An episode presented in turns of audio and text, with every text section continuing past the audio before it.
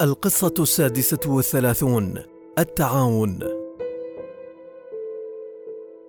كنت من أكثر المتفائلين بمجلس التعاون الخليجي عندما تم إنشاؤه لأنني أعرف أن القوة ليست في الفردية بل في نبذ الفردية كما يقولون. التعاون سيجعلنا أقوى وأغنى وأعظم من أي دولة أخرى في المنطقة. كنت أعرف إمكانيات دول الخليج مجتمعة إمكانياتنا الهائلة ثرواتنا الضخمة مجتمعاتنا المتقاربة مخاوفنا المشتركة طموحاتنا العالية حكوماتنا المستقرة لا يوجد لدينا أي عذر. على هامش أحد اجتماعات مجلس التعاون في بدايات الثمانينات وبينما كان الوزراء يتناقشون في الأزمات والتحديات وغيرها طرحت مقترحا كنت في منتصف الثلاثينات من عمري كنت أصغر من في الجلسة سنا وأكثرهم مللا من حديث السياسة الذي لا ينتهي قلت لهم لماذا لا نحاول أن نطور المنطقة وبصورة خاصة دبي كوجهة سياحية لجذب الناس من كافة أنحاء العالم؟ شعرت أن الأنظار تتجه نحوي. ساد الصمت لبضع ثوان قبل أن تخترقه ضحكة أحد وزراء الخارجية الأكبر سنا. ماذا سيجد السياح في دبي؟ من سيأتي إلى الصحراء؟ من سيأتي للحرارة والرطوبة التي في دبي؟ ضحك الباقون. ثم أضاف على حديثه نبرة الخبرة. ثم يا شيخ محمد ما هو الإرث الثقافي الذي سيتعرف عليه السياح؟ ما هي المعالم التي سيزورونها؟ الرمال من ورائهم والبحر من أمامهم والشمس فوق رؤوسهم. لم أشأ أن أجادله بعدما أغلق ذهنه حتى عن سماع تفاصيل المقترح ولم يزدني تعليقه إلا تحديا وقناعة بمشروع وخطة التي تدور في ذهني. كنت أحس بالحزن لأننا لا نستغل ثرواتنا بطريقة أفضل. لا نثق بأفكار شبابنا ولا نجرب شيئا مختلفا غير الذي نعرفه. وددت لو كان التعاون في مجالات جديدة غير السياسة والأمور العسكرية. على أهميتها القصوى لنا في ذلك الوقت.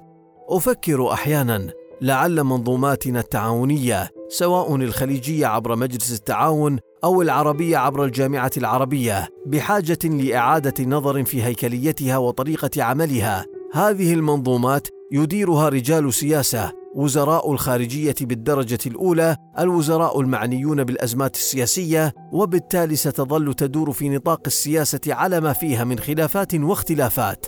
دائما كنت أتساءل ماذا سيكون الحال لو أدار هذه المنظومات رجال التنمية؟ ماذا لو أدارها رجال الإدارة والقيادة؟ ماذا لو أدارها المسؤولون عن الخدمات التي تقدم للشعوب؟ بحيث كان محور عملها هو تطوير هذه الخدمات وتطوير بنية تحتية جديدة لشعوبنا العربية. ماذا لو كانت أولوياتها الاستثمار في تحديث أسلوب الحياة للمواطنين في وطننا العربي؟ وتطوير قنوات الاستثمار وبناء الشركات والشركات الاقتصادية والاستثمار في العلوم والأبحاث والتطوير والصناعات. كيف سيكون حالنا اليوم؟ عمر الجامعة العربية اليوم مثلا أكثر من سبعين عاما. ماذا لو كنا بدأنا كل ذلك قبل سبعين عاما؟ كيف سيكون الحال؟ ربما حان الوقت ليتولى رجال الإدارة والقيادة ورجال الأعمال والمال والصناعة. قيادة هذه المنظمات بدلا من وزراء الخارجية. ربما لماذا لا نجرب؟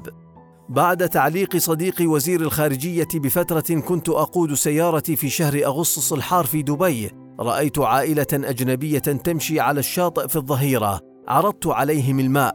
ثم سألتهم هل تعملون في دبي؟ قالوا نحن هنا للسياحة. جئنا من ألمانيا نبحث عن الشمس. تعززت لدي تلك القناعة. وترسخ إيماني بأننا نمتلك ثروة سياحية اسمها الشمس والصحراء وأهم ميزاتها الأمان والسلامة المطلقة وأهم عوامل الجذب فيها الفنادق الجميلة والخدمات الراقية. أطلقنا الكثير من الحملات السياحية واجتذبنا الكثير من الزوار وكنت أعرف أن المفتاح الرئيسي لترسيخ قطاع السياحة لدينا هو المطار واجتذاب المزيد من شركات الطيران لتستخدم مطار دبي. في ذلك الوقت بلغ عدد الخطوط الجوية التي تستخدم المطار أربعين شركة. ونجحت سياسة الأجواء المفتوحة التي اتبعناها في اجتذاب المزيد من الشركات. تطوير قطاع السياحة في دبي مر بالكثير من المراحل. كان هذا القطاع جديدا كليا علينا لكننا تعلمنا واستفدنا من تجارب غيرنا وأخذنا الكثير من المخاطر لتنميته. وضعنا استثمارات ضخمة من أجل جذب السياح من خلال بناء المنشآت السياحية والترفيهية ومراكز التسوق الضخمة والمرافق والبنى التحتية المتطورة. كان الكثير من الأصدقاء يتساءلون لمن تبني كل هذا؟ لا توجد لديك أعداد كبيرة من السياح. كان ردي عليهم سنبني وسيأتون. كانوا يقولون لي المنطق العلمي يقول الطلب قبل العرض لا بد من وجود طلب لتزيد المعروض وتستثمر فيه. كنت أقول هذه نظرية قد تكون صحيحة لكننا نعرف كيف نطور بلادنا.